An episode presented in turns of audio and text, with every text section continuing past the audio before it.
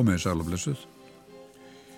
Við Salvin Nordal fáum til okkar góða gæsti til að tala um réttindi badna og, og í dag hérna líðan badna.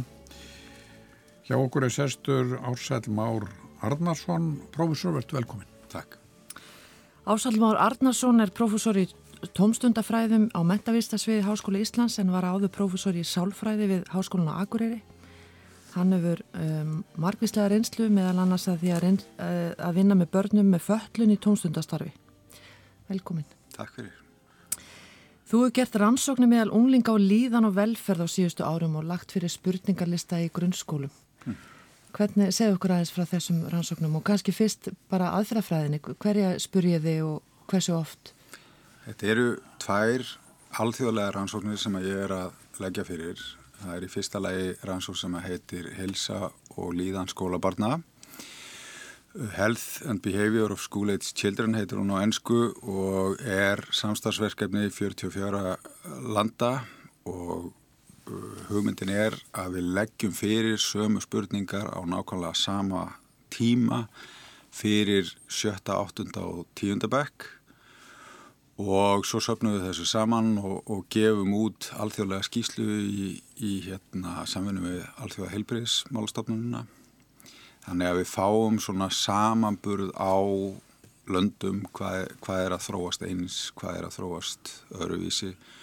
Og þetta eru auðvitað 44 lönd þannig að þetta er, þetta er greiðlega víður, víður samanburður Hinn rannsóknin sem ég er með er líka alþjóðleg og heitir Evrópska Vímuöfnarannsóknin og þá eru við með svipaðan fjölda af löndum, gerum þetta sama, þetta eru sömu spurningar á sama tíma og þá eru það bara nefndur í tíundabökk og það, þá fáum við svona, sagt, svona megin línutnar í ví, sko, vímuöfna nótkunn en líka auðvitað tengdum þáttum Nú til dæmis lögðu við mikla áherslu á uh, fjárhættsspil á netinu þannig að þetta er ekki sjálfur sér vímu efni endilega og auðvitað eru við að skoða aðstæður krakkan á hvernig það er tengjast neyslu og, og fleira. Og þetta er lagt fyrir hvað og hvers oft? Á fjár ára fresti eru þessar Bá, báðar. Bá, báðar, hann að ég er í raun og veru á tveggja ára fresti, það er, það er sem sagt skarast þannig. Og þetta hefur gert náttúrulega í dálten tíma?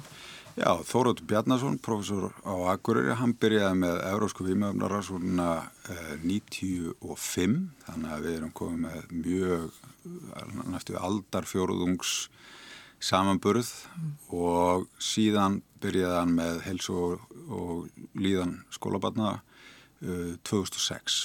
Þannig að það er, þar eru við komið með, við lögum það síðast fyrir 2018, þannig að það er 12 ára, 12 ára samanburður þar.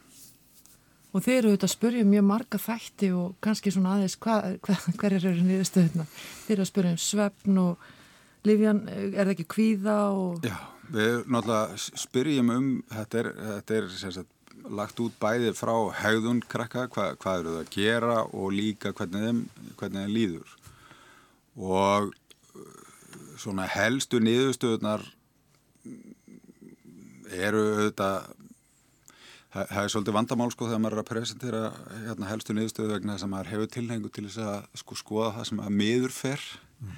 þannig að svona bara til þess að ég byrji allavega á einhverju, einhverju jákvæði vegna þess að það er mjög mikið jákvætt í þessum rannsóknum. Það sko að því að við, við sko einblínum og það er bara okkar eðli að einblína á það sem betum eftir fara. En til dæmis það að sko 90% barna á Íslandi líður hérna vel eða þokkalega í skólan 90% mm. sem er hérna sem er mjög mjög góð niðurstað Og er það svona svipað í öllum árgangunum? Það er aðeins breytilegt auðvitað á milli árganga eh, krakkarnir í tíundabekkur aðeins neikvæðri heldur en þau sem eru í sjötabekk og það er bara, það er svolítið eðlilegt þegar maður verður eldri sem úlingur þá er maður aðeins svona hefur maður sterkar í skoðanir á hlutunum og maður, maður er kannski líka bara svolítið meira í svona áreikstrum við sjálfansögu umhverfið sko. Mm. þannig að það er sjálfsögur hefðilegt og einhver breytileiki er á milli skóla en í heildina þá er þetta mjög, mjög gott. Að, að næstu því 90% tíundupekkinga til dæmis líður bara mjög vel eða þokkalegi skólan vegna þess að þetta eru auðvitað þeirra, þeirra helsta umhverju fyrir utan fjölskylduna. Er, er þetta beinar almenna spurningar eins og hvernig líður þér? Já. Já. Já, þetta er náttúrulega staðlaðu spurningalisti sem, og við náttúrulega reynum að, að leggja mikið að því að við erum að spurja kannski 250.000 krakka þessari spurninga, þannig að það er eins gott að það síðu sæmilega velformaðar og áraðanlegar og, og við gerum auðvitað rannsóknir á því svona á milli kannana, eru, eru þessar spurningar raun og vera að svara því sem við viljum að það er svari Þannig að, að, að þetta er ágætis, ágætis mælingar en auðvitað alltaf þegar maður sko reynir að sko spurja fólk um lífið þessi gegnum spurningalista þá er það háð auðvitað mörgum takmörkunum. Já, já, já. Nú nefnilega bara nýlega þá, þá voru saða fréttur af því að uh, frá auknu ofbeldi sem, sem börn verða fyrir og uh, sérstaklega virtist að koma mannum á óvart hvað, hvað fjöldi drengja sem hafði orðið fyrir uh, ofbeldi, kynferðislegu öðru, öðru ofbeldi, hvað sá fjöldi hafði aukist eins og Já. skindilega þá það leiður hugan að því með svona stórar kannanir fara vestu tilfellin, fara fram hjá svona fram hjá svona almennir konun. Já, það eru auðvitað þessi, þessi tíndu krakkar Já. sem að við auðvitað sem að falla svolítið á milli eh, hérna skips og bryggju eiginlega að, sko við auðvitað náum ekki í þau vegna þess að þau kannski eru líklegri heldur en hini krakkandi til þess að vera ekki, á, vera ekki í skólanum þegar að konunulega lög fyrir og sömu leiðis að þá náttúrulega nær skólakerfið ílla til þeirra vegna þess að þau mæta lítið og, og, og kannski fóraldrarnir oft Eh, sömu leiðis hérna, eru ekki mjög sínilegir mm. en þessi konu sem að var verið að vitna í þarna er auðvitað byggð á spurningalistum mm. þannig að þessi aukning hjá strákum sko veriðist vera bara það að, að annarkort, e, það eru er tveir, tveir mögulega skýringar sem ég finnst sko, annarkort eru strákar bara að sjá það frekar að þetta er ekki eðlileg hegðun sem að kannski hefur verið hérna látin viðgangast. Og hinn hlutin gæti verið sá að það sé meira áreiti. Þannig að en, þessi, spurn, þessi konnun sem að þú ert að veitni hún kannski svara því ekki alveg en, en þetta er áhugavert auðvitað við sjáum það náttúrulega með alls konar svona þegar við erum með svona kynningar á því hvað er, hvað er, hvað telst eðlileg hægðun og, og þess að þá erum að reyna að hamra á, á því að þá breytist auðvitað viðþorfið og, og fólk fyrir að fatta það, skilur, mm. hvað, hvað hefur verið gert á þeirra hlut og það, það á náttúrulega mjög vel við börn líka. Mm. Við myndum það að vera á síðustu árum mjög mikil vakning í sambandi við þessi mál í svona ofnbæri umræðu. Já. um ofbeldi og kynferðisofbeldi og...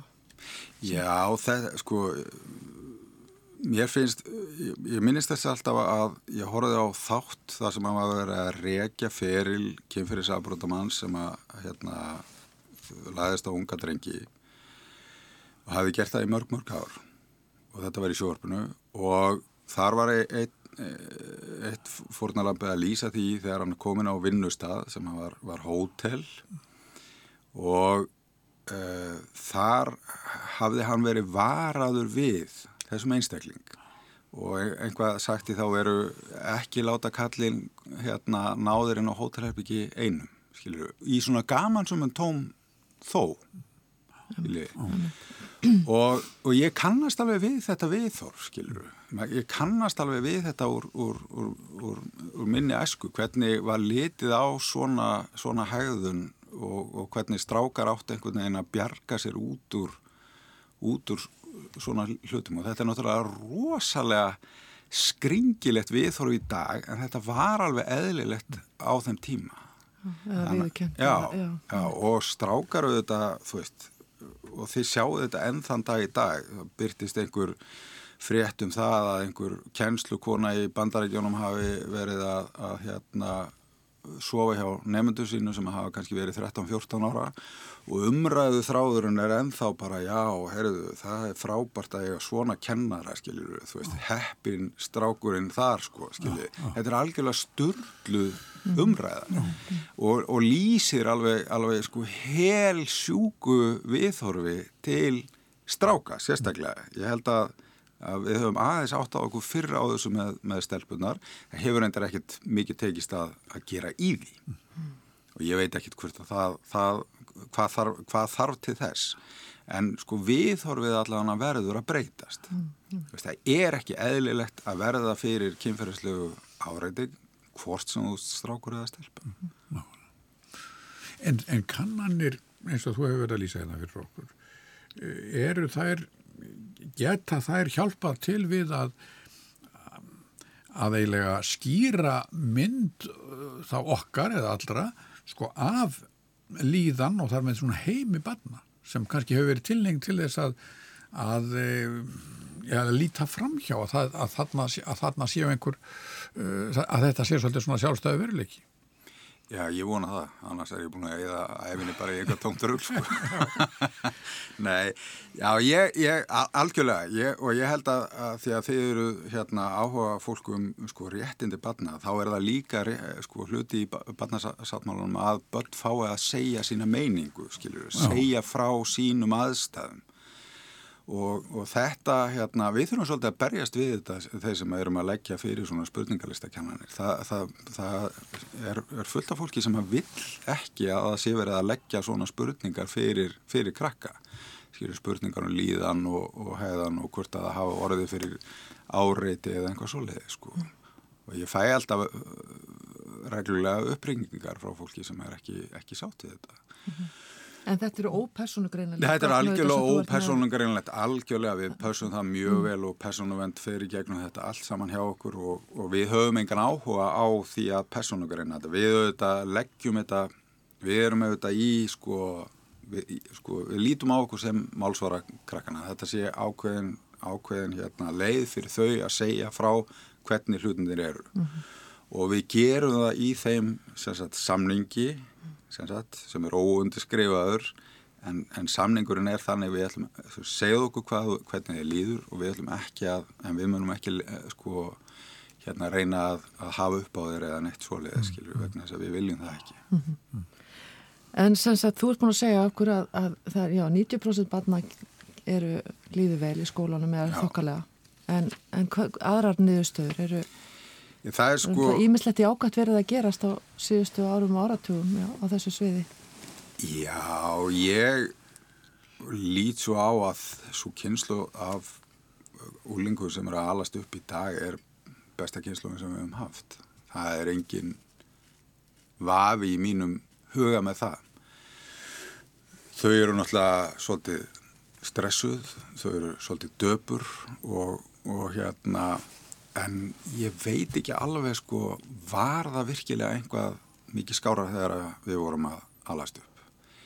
Eh, sko ég er, við ævar náttúrulega höfum sannleiki þekkt neina kvíðna stráka þegar við hérna vorum að alast upp en, eh, sem að sögðu frá því sko.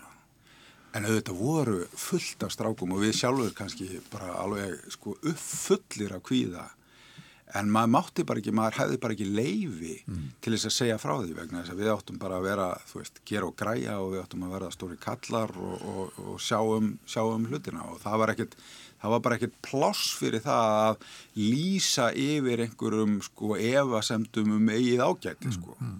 Þetta var svolítið pósara hérna samfélagi sem við, við ölumst upp í.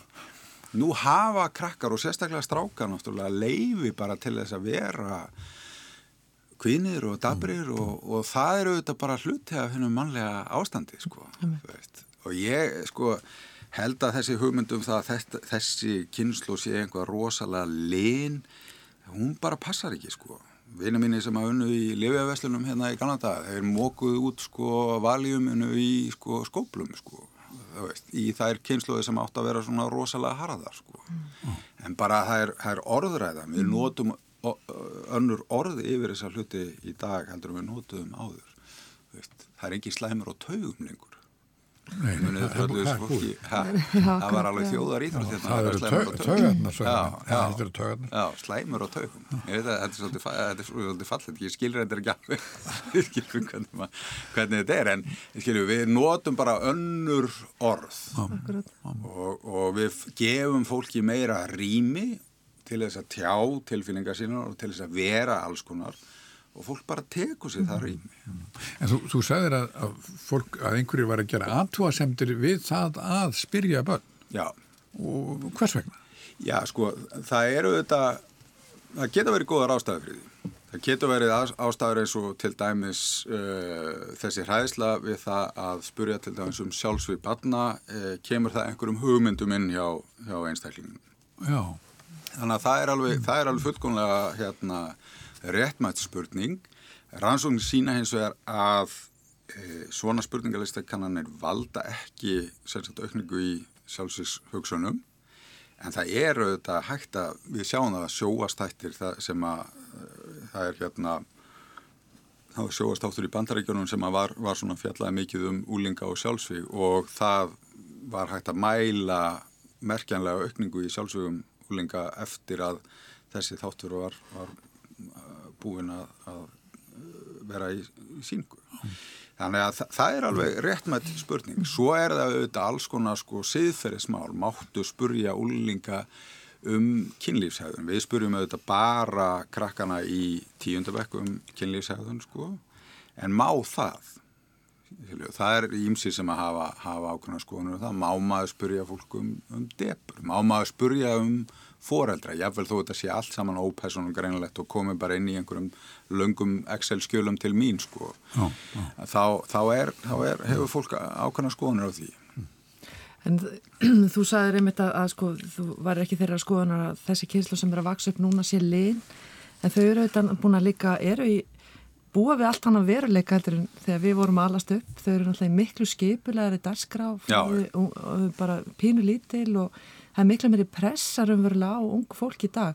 Þau vinna mikið, vinna mikið með skóla, Já, þau eru, svo náttúrulega skjánótku, það er mikil samfélagsleg pressa, þannig að, að um, þegar maður fer svona að hugsa, einmitt ég, ég upplýði það sjálf sko að þegar maður fer að virkilega setja sig inn í stöðu batna í dag að þá, þá áttar maður sig mjög fljótt á því að þetta er mjög harður heimur sem þau eru að lifa í þó að eldri kynslanum finnist kannski svona efnaðslega að þau hafi það miklu betur heldur en þau sjálf sko. Já, að þá er þetta harður, þetta hart umhverfi já, að allast uppi já. þannig að, að það er, einmitt, ég held að það sé mikill miskilningur að, að börn sé í dag einhverjum bómull sem, Nei, er sem við höfum ekki verið í. Alls, alls ekki, skilji, sko, fyrir kynsluði náttúrulega ólust upp í miklu, mikilli samveru með foreldrunum sínum til dæmis.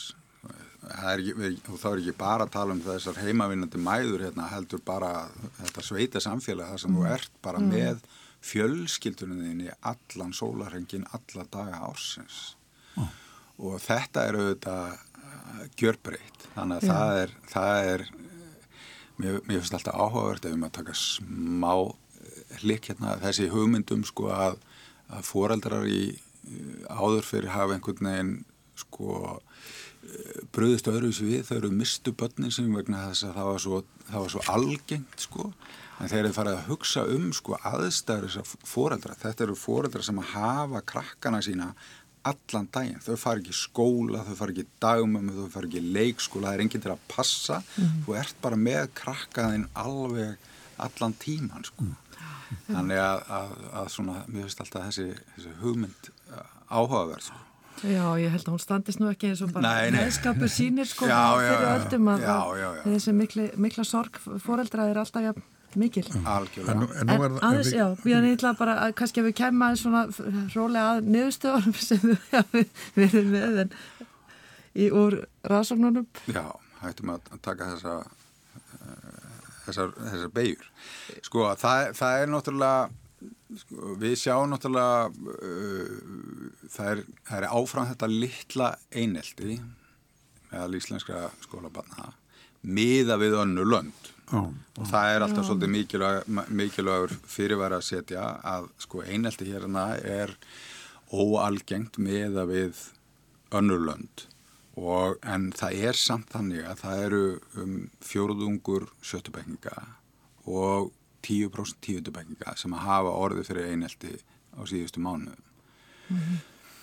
einhverju. Eh, og það hefur aðeins orðið sko aukning í svona tíðasta eineltinu. Þannig að, að en, en við erum alltaf að, að, að sko koma mjög vel út í samanbyrði vandamálið er það að sko samanbyrðurinn þó að við komum vel út í samanbyrju og öðrum lönd þá skiptir það auðvitað engum máli fyrir krakkan sem er að vera fyrir einheltinu. Fjóruðungur er alltaf það sem hafa að tala. Já, og það var svolítið, sko við skrifum hérna, áhugaverða greinum þetta fannst mér það sem við vorum að skoða einmitt þetta eh, sem er svolítið svona líkilatriði held ég til að horfa á í úlingaransónum að við skoðum bárum saman eh, löndin að því að sko Uh, líðan badna til dæmis, við vitum að einhelti hefur mikil áhrif á líðan badna en líðan badna í löndum þar sem einhelti er sjálfkjæft er samt ekkert mikið betri heldur en í löndum þar sem það er rosalega algengt mm. Mm. þannig að við fórum að hugsa að kannski er það bara verra að vera laður í einhelti ef, það, ef þú er bara eini krakkin í bekknum sem er laður í einhelti heldur en ef það eru bara helmingurinn af bekknum sem er verður fyrir stríni og, og, og, og einhelti. Mm. Og við skoðum þetta millir landa og millir skóla sem sagt, í sumum skóla er einhelti, mikið um einhelti, öðrum minna og líka einan bekja og þetta er nákvæmlega niðurstaðan sem við fengum. Og það er betra að það sé meira einhelti en minna. Já, þetta er nefnilega, eh, maður þarf að lesa í þessi skilabóðu mjög varlega að, en, en sko málið er það að ef þú ert svo eini sem er svona jaðarsettur mm. og ert eini sem er tekin út fyrir allir hinn er fá að vera í friði, friði þá er það miklu, miklu verra mm. og þetta, þetta náttúrulega er svo augljóst þegar maður fyrir að hugsa um þetta og við, við fáum mjög, mjög skýra hérna niðurstöðu með þetta og þetta þýður auðvitað það að við sem samfélag auðvitað, þetta tengist auðvitað mjög mikið okkar hlutverki sem foreldrar. Við getum ekki látið að viðgangast að þessi eini sem aldrei færa fæ, að vera með, skilju, að við séum að styðja krakkana í þessu ferli vegna þess að sko, þetta er auðvitað bara áskrift á alveg djöfulega líðan. Mm -hmm. Að vera svona, svona settur út og vera bara svo eini sem er tekin út fyrir sko. Já, en er, en samt sem áður, sko, það, þetta, sem sagt, ef það er fjórðungur, þá kannski getur við farið að tala um, sko, einlítið skúldur og það sé eitthvað neginn, það sé, og, og, og svo náttúrulega er það kannski vísbendingar um það að börnin einmitt sem eru ekki að mæti í skólan og nú hefur búið að vera mikil umræðum skólaforðun, krakka sem eru mögulega haldnir kvíða og mögulega eru líka í þeim aðstæðum að þeim líður illa í skólanum, Já. að þau náttúrulega þá mælast ekki hjá ykkur og þau kannski eru einmitt þau Nei. sem eru að verða fyrir miklu einhaldi í skólanum. Já, já.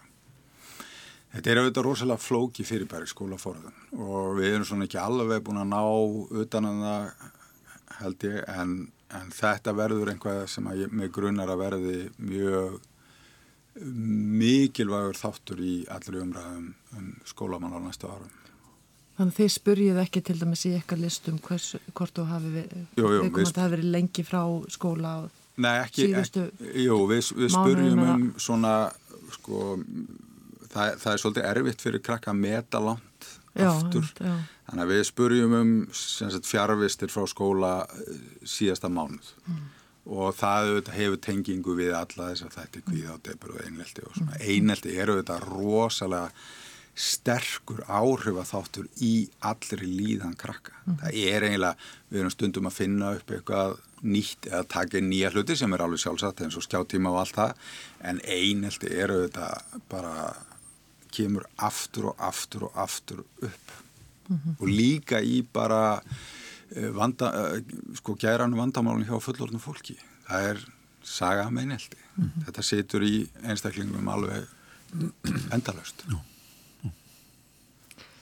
Hvað með aðra niðurstöður eins og með kvíða og, og, og svefni vennur það nú til og með verið að tala um að sofi mjög lítið á Íslandi Já. og og minkandi held ég eftir því sem eldast komin í framhaldsskóla.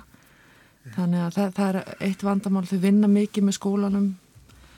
Það eru það er náttúrulega vaksandi áhyggjur af livjanótkun koma þessi þættir út hjá ykkur? Sko svefnin er svolítið mikið áhyggju efni að það er sko það er samt hannig að í okkar gognum það sem við erum að skoða sjötta til tíndabekka þá hefði maður haldið að sko svefnuröðleika myndi aukast en þeir, það dreifur aðeins úr þeim.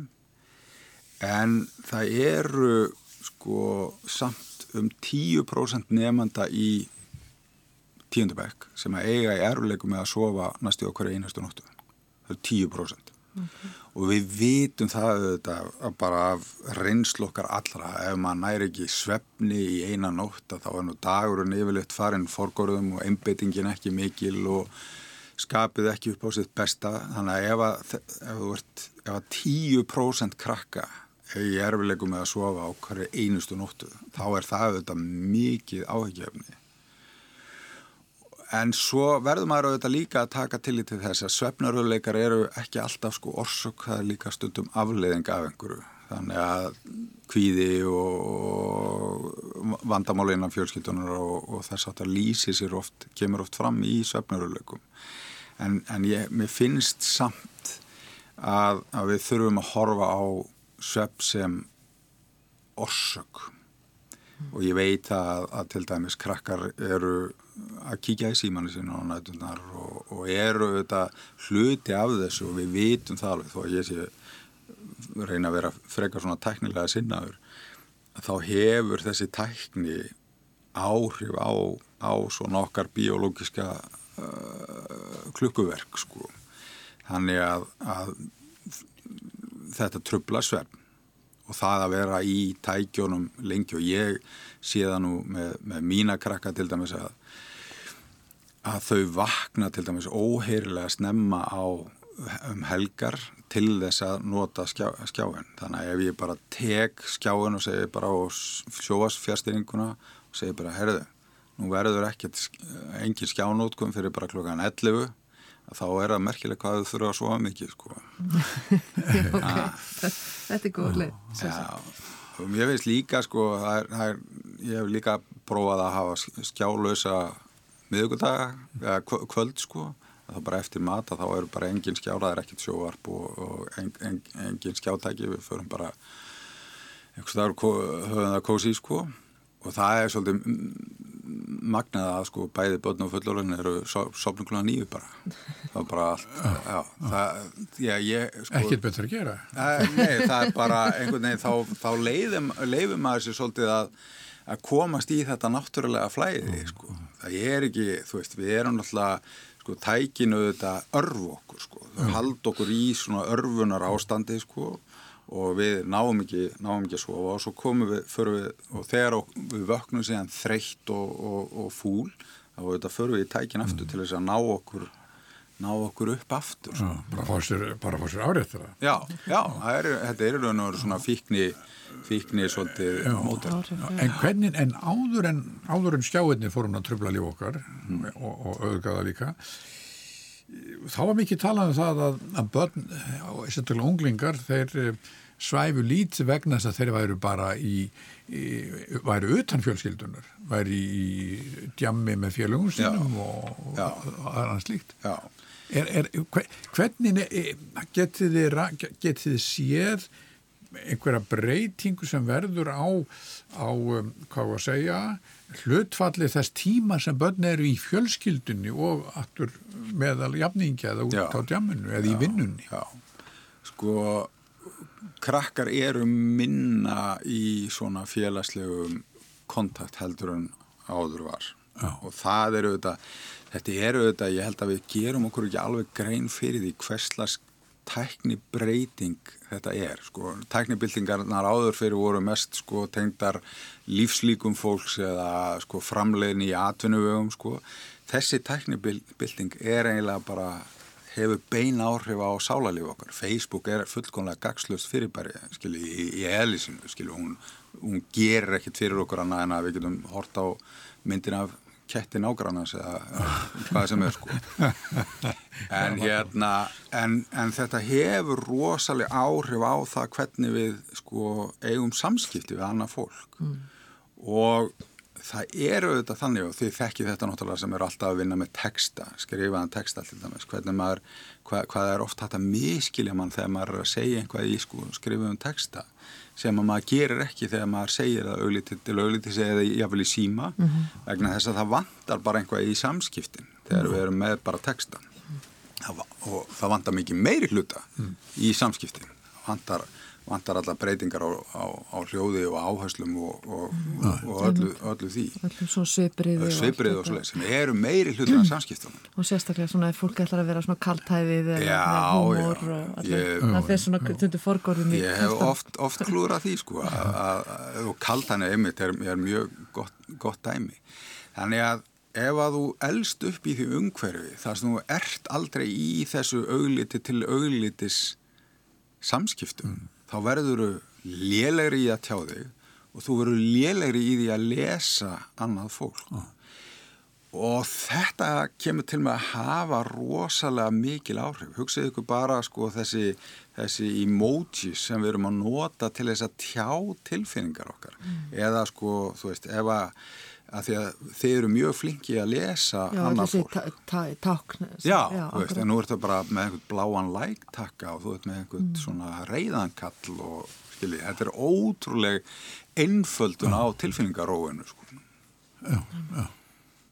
En, en, og, en, og þetta sem sagt hefur en, en það er greið að þess að unglingar, verðast unglingar, eru meira inn, inn á heimilinu en á kafi í reyðum og kátum kollum. Já. Já, sko þau eru kannski bæði meira í samskiptu við hvert við annað mm. í gegnum tækin en líka í minni samskiptum að því þau missa þessum kannski augliti til auglitis samskiptum. Já.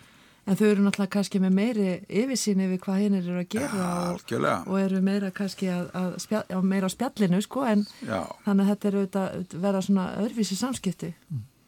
Já, svo, svo er það líka sko þessi, sko við erum öll orðin einhver sko, einhverju svona fjölmila framleiðendur, mm -hmm. skiljiði. Vi, við erum öll að sko byrta myndir af, við erum að, við erum sko stjórnir í okkar eigin, mm -hmm. eigin próduksjón, skiljiði. Þú veist, hvað er ég að gera og svona, ég, svona, stund eftir mér í hug sko þessi fyrirmyndafaðir, skiljiði.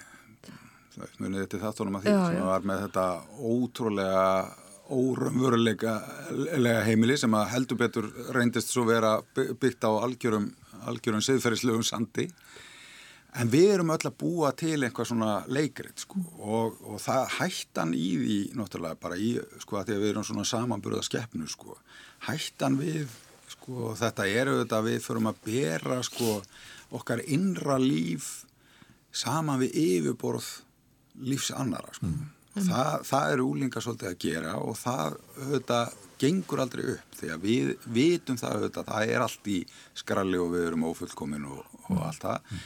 og ef við erum alltaf að bera okkur saman við það sem aðrir er að presentera á þessum miðlum þá verður það aldrei hagfældur samanbyrður. Mm. Mm.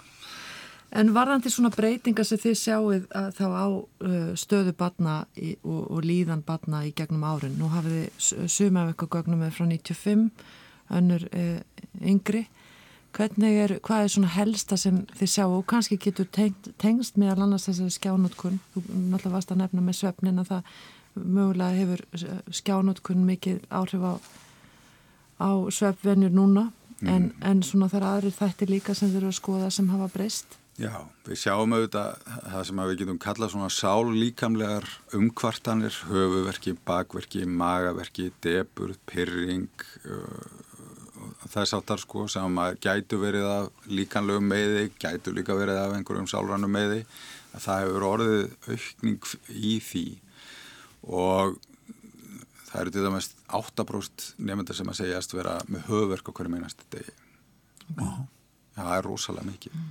og, og það er svipal hlutfall sem að finna fyrir debur á hverjum degi og pluss að, að auki eru svona 11% til viðbóta sem að segist oft í viku þannig að við erum að tala um 20% úlingar sem að finna fyrir höfuverkjum deburð oft í viku mm -hmm.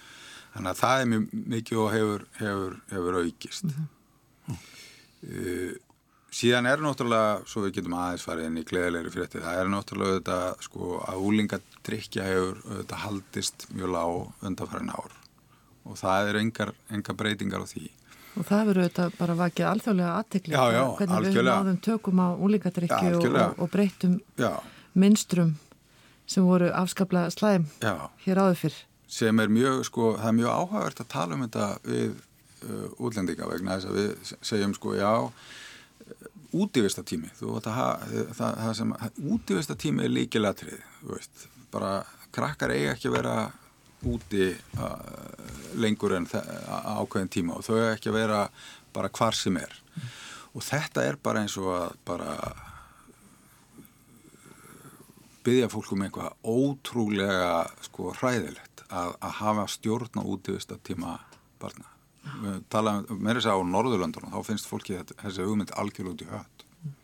En þetta virkað vel? Þetta virkar, náttúrulega sín virkar. Og svo þetta fóreldra eftirlit eða fóreldra röld og, og, og þeir hafa alltaf bara komið miklu sterkar inn í, inn í, í starfskólana Já, og við... sérstaklega svona þessi böllin og alla þessi þetti. Það er náttúrulega ekki spurning þetta, og, og það sem við sjáum sem svona aðal skýringabreituna er þetta sko, eftirlit fóreldra.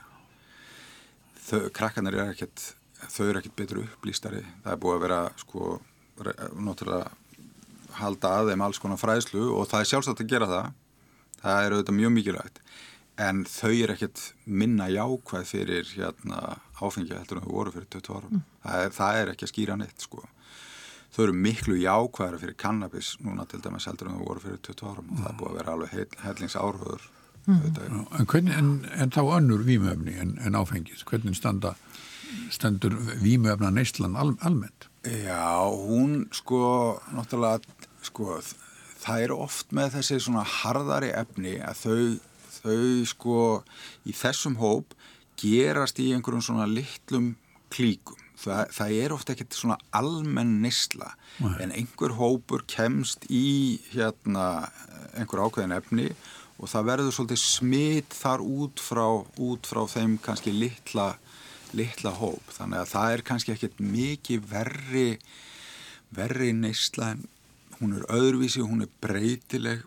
Við þekkjum þetta frá fyrri árum. Það hefur komið upp svona faraldrar af gasniffi, límsniffi amfetamin nótkun og þess áttar þetta hegða sér aðeins öðruvísi.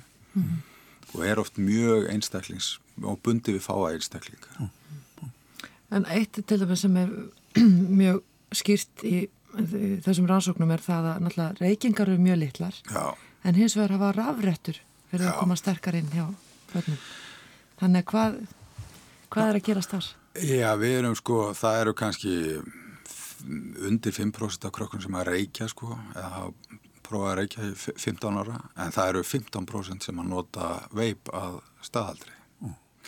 Og þetta eru auðvitað það sem við verðum líka að, horfast í augu við eru þetta, skilja, við erum uh, með einhvern áróður gegn reykingum og nikotíni og kannabis og öllu því, en svo er sko svakalegur yðnaður sem að stendur auðvitað bak við þessa neslu, þannig að þú veist þessi hugmyndum svona þennan sko happy go lucky sko kannabis neyðanda, hún er náttúrulega sko sett fram af einhverjum sko stórum tópasfyrirtækjum til dæmis að, að sko stóru tópasfyrirtækjum í bandrækjum hafa til dæmis öll farið í sko kannabisframleysluna og kannabisiðnaðin það er bara næsta það er þeirra næsta næsta lending sko. Mm. og þeir eru náttúrulega á bakvið þetta veip og, og, og allt það. Þeir eru náttúrulega, þeim er alveg samankvæmlega selja nikotínu sér skiljið og, og við erum síðan alltaf að halda að við séum eitthvað að, að sko að berjast á móti sko einhverjum veist, sem að vil bara fá sér jónu en það sem við erum að berjast á móti er auðvitað bara sko rísa yðnar sem að kann mjög vel að, að, hérna, að stjórna neyslunni og, og geri það í gegnum kveikmyndaðinnan og, og sjóarp og, mm. og allt það þannig að allt í hennu sko reynið að finna Veist, e, hérna, upplýsingar á netinu um það áhrif kannabis skilji. það er bara kosta, kostuð myndbönd endalust hreinskilið um, um það hvaða, hvaða, hvað þetta gerir frábæra hluti fyrir því. Hvað hættu lítið? Já, en sko talaðu við hvað einasti gælækni sem sem nærð, nærði og hann segir að þetta sé bara skjálfilegt sko. Mm -hmm. Þannig að við þurfum þetta, og þetta rafrættu dæmi sínir auðvitað það að við þurfum alltaf að vera á verði Já, já og eins og sam, minna, það var líka einhverja tölur um það ég að vilja áfengisnesla var að fara eitthvað upp og, og aftur eftir svona Já, já, við sjáum það ekki mikið sko en við verum að átt okkur á því að fíkn er góðu business sko. Það er eiginlega bara besta, besti businessin sem þú getur verið í. Það eru mjög dedikeraðir sko hérna uh, kaupendur sem þú hefur sko sem gera allt, allt fyrir því og, og það eru auðvitað ef maður er í fíknibransanum þá auðvitað finnum maður þessi leið til þess að selja vörunum sína vegna þess að það er rosalegur, það er svakalega gróði í þessum, þessum bransa. Mm.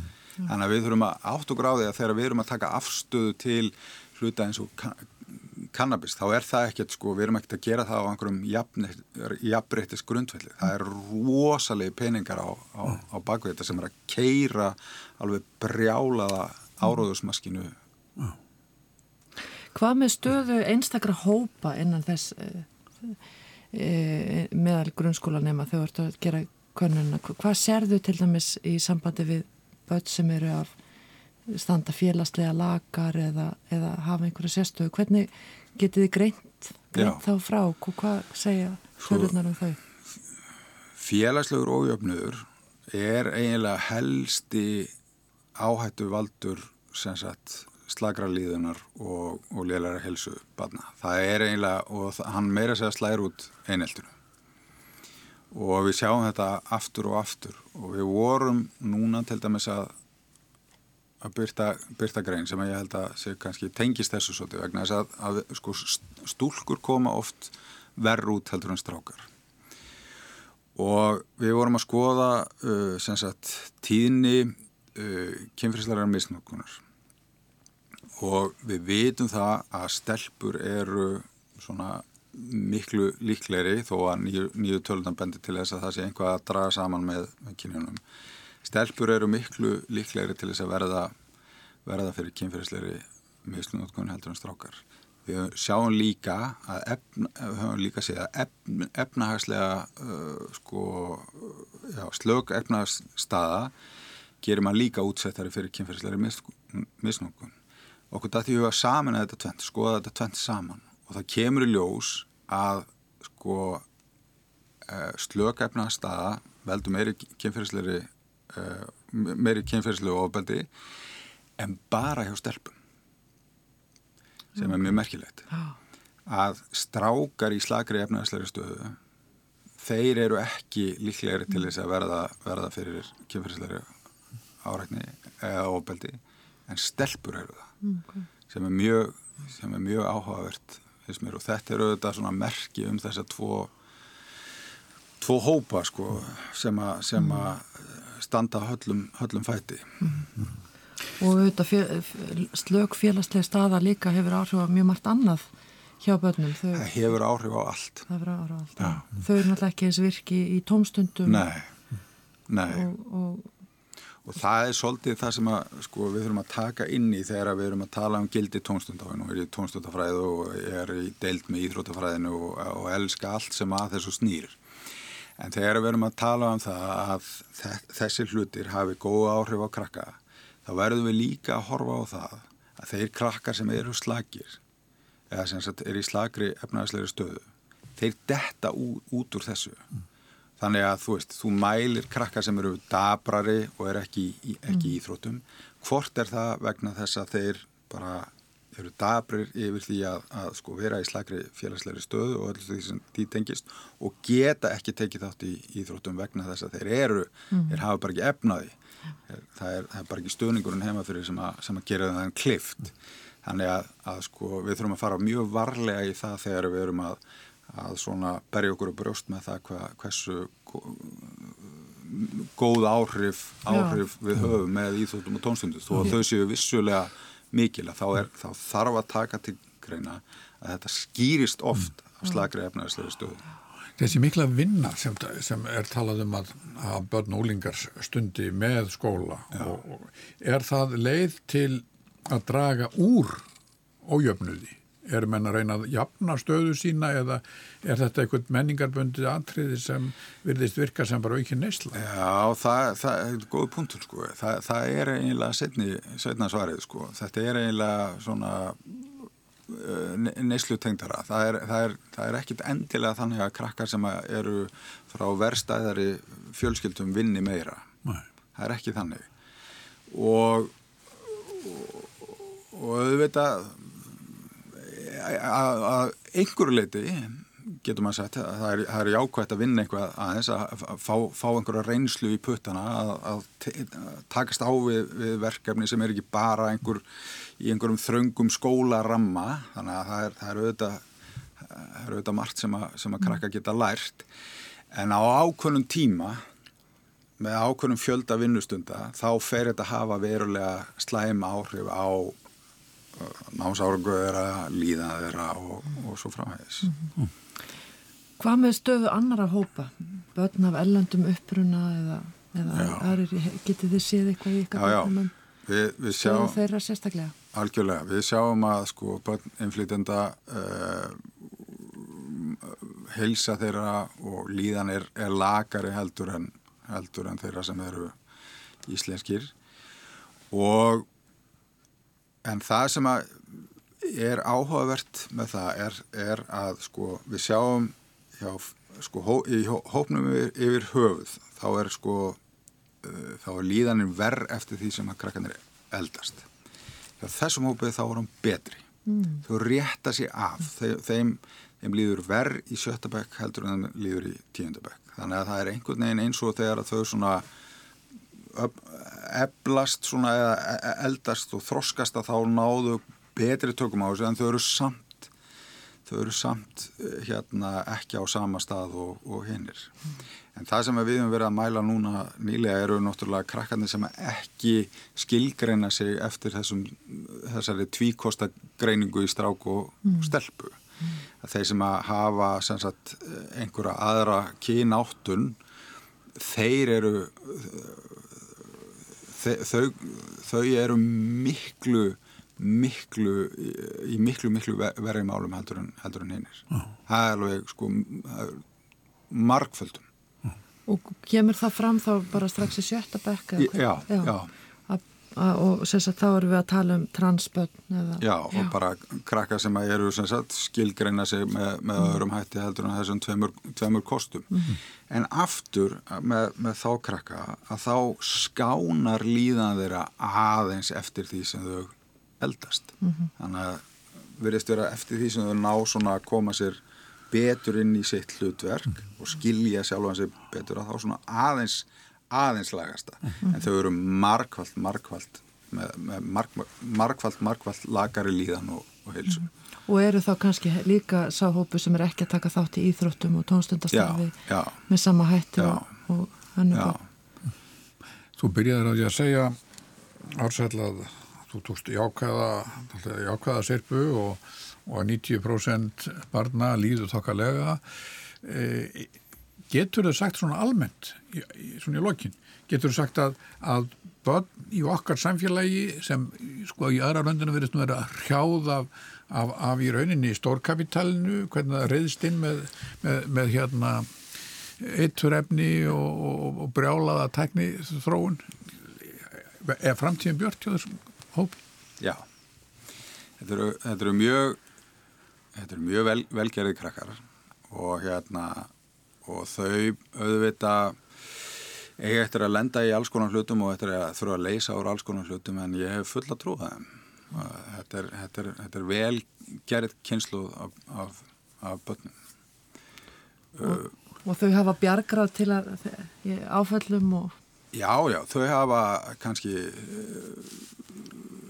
metnaðafullar fóreldra á þann hátt að fóreldra vilja mjög gertan gera, gera vel og er að leita sér upplýsinga, það þetta skiptir rosalega miklu máli að, að fóreldrið eru þetta á endanum svolítið líkil punkturinn í velferð, velferð batsins mm. og við fóreldra eru náttúrulega alls konar og klímu við alls konar hluti og stundum er það það besta sem við getum gert við börnun okkar er að sko játa einn ofullkomleika og leita okkur aðstofar. Sko. En þetta kannski er nú efni í annað þátt að tala um foreldrana. Við höfum að láta hér staðan umið Ársæl Már Arnarsson, professor á Mentavísindasvið Háskólans. Vertu þakki fyrir að setjast hérna með okkur Salver Nordal og hlustendum. Já, kæra þakkir fyrir mjög gott spjall, takk.